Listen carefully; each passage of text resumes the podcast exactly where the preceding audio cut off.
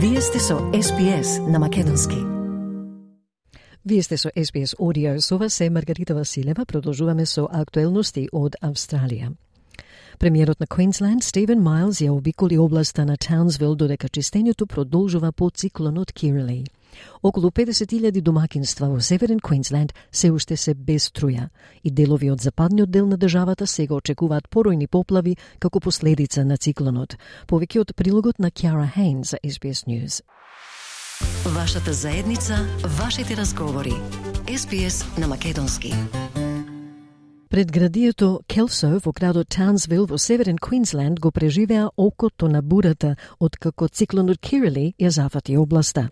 Жителите како Ники Стори сега треба да го преживеат закрепнувањето без струја и во силни тропски горештини.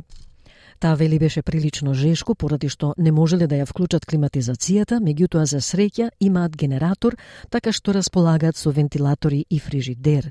Господјата Стори вели ги подготвиле децата дека може ќе земе до 7 дена за кои услови семејството е подготвено во зависност од тоа што се случува низ градот. It's been rather hot without obviously being able to have the air conditioning on. Um, we're lucky enough to have a generator, so we've got fans and fridges going. But we've kind of prepared our kids that it could be up to seven seven days. Um, there's been a few. A lot of people are talking about when they think it's going to be, but um, you know we're hoping it'll be sooner rather than later. But we are prepared for it to take up to seven days, depending on what they're doing around the town. Жителите расчистуваат откако силните ветрови го погодија регионот заедно со вкупните врнежи меѓу 100 и 150 милиметри, но евидентирана е минимална материјална штета. Но областите без струја се исто така оние кои се соочуваат со најголемите расчистувања. На врвот на преминот на циклонот, околу 66.000 корисници доживеаја прекин на електричната енергија. Над 10.000 домови сега имаат струја, но уште околу 29.000 остануваат без енергија. Луѓето, како жителот Павит Саини, се уште не знаат колку долго ќе остане така. Тој јавува дека минатата ноќ не можеле да спијат, а децата плачеа, па во 3.30 часот утрото отидоа во самопослуга каде има струја. We couldn't sleep last night and kids were crying, so we left uh, 3.30 to our grocery store. We had power there, so we stayed there till this morning and we just got back to check on if we got the power back or not. Дополнителни 600 енергетски работници се испратени во Чансвил, а нивниот прв приоритет е обновувањето на критичната инфраструктура со семафори, мобилни мрежи и пумпни станици за вода, сите офлайн. Премиерот Стивен Майлз вели дека енергетските работници прават се што можат за да ја вратат струјата онлайн. Тој вели дека работниците на Егон се целосно фокусирани на враќање на струјата за критичната вода, отпадна вода, како и телекомуникацијската инфраструктура. Тој вели ќе продолжат со ажурирањата во текот на денот и додека има бројни скршени делови, нема паднати столбови за струја, што е добар индикатор дека нема да има големо забавување со враќањето на енергетската инфраструктура во нормала. Изјави премиерот Майлс. The Ergon workers are absolutely focused on getting the power back on for uh, that critical water, wastewater, as well as telecommunications infrastructure. Uh, that's their first priority.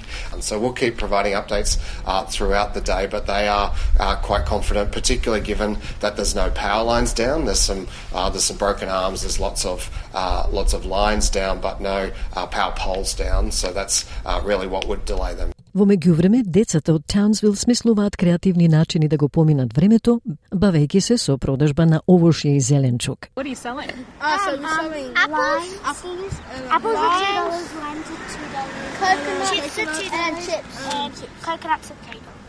Се уште има многу денови за чистење, но што се однесува до времето, Таунсвил сега е ослободен од закана.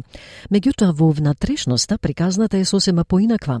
Предупредувањата за тешки временски услови и поплави се уште се активни, бидејќи екстропскиот циклон Кирилей продолжува да минува низ државата.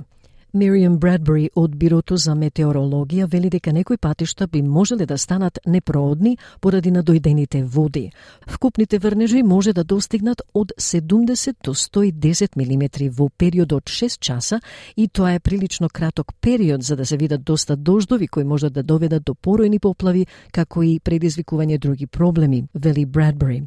Службите за итни случаи ја пофалија подготвеноста на заедницата поради што немало загуби на животи за време или повременскиот настан, но луѓето се уште се повикани да останат внимателни и будни. Во Charters Towers, 14 лица, вклучувајќи 4 деца, останале заробени во надојдените води кога решија да возат и да ја испитаат штетата. Сите се префрлени со хеликоптер на безбедно без повреди. Надзорникот Крис Лосен од Државната полициска служба вели многу е важно членовите на заедницата се држат настрана од поплавите и да не се изложуваат себе си на ризик, бидејќи тоа потоа ги става на ризик луѓето кои треба да ги спасат. Тој вели ги охрабрува луѓето да се држат што подалеку од надојдените води и се погрижат за собствената безбедност. We're seeing significant uh, amounts of rainfall occur across our region at the moment and we don't want people to be be putting themselves at risk because that then puts the people that have to save them at risk. I encourage people to stay away from the floodwaters and ensure their own safety. Државните и федералните влади потврдија дека најтешко погодените луѓе наскоро ќе имаат пристап до лична помош за тешкоти.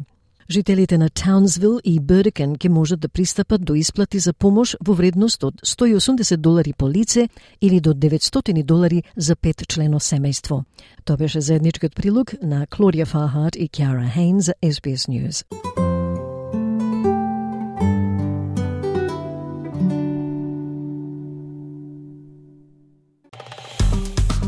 Стиснете, ми се допаѓа, споделете, коментирајте. Следете ја SPS на Македонски на Facebook.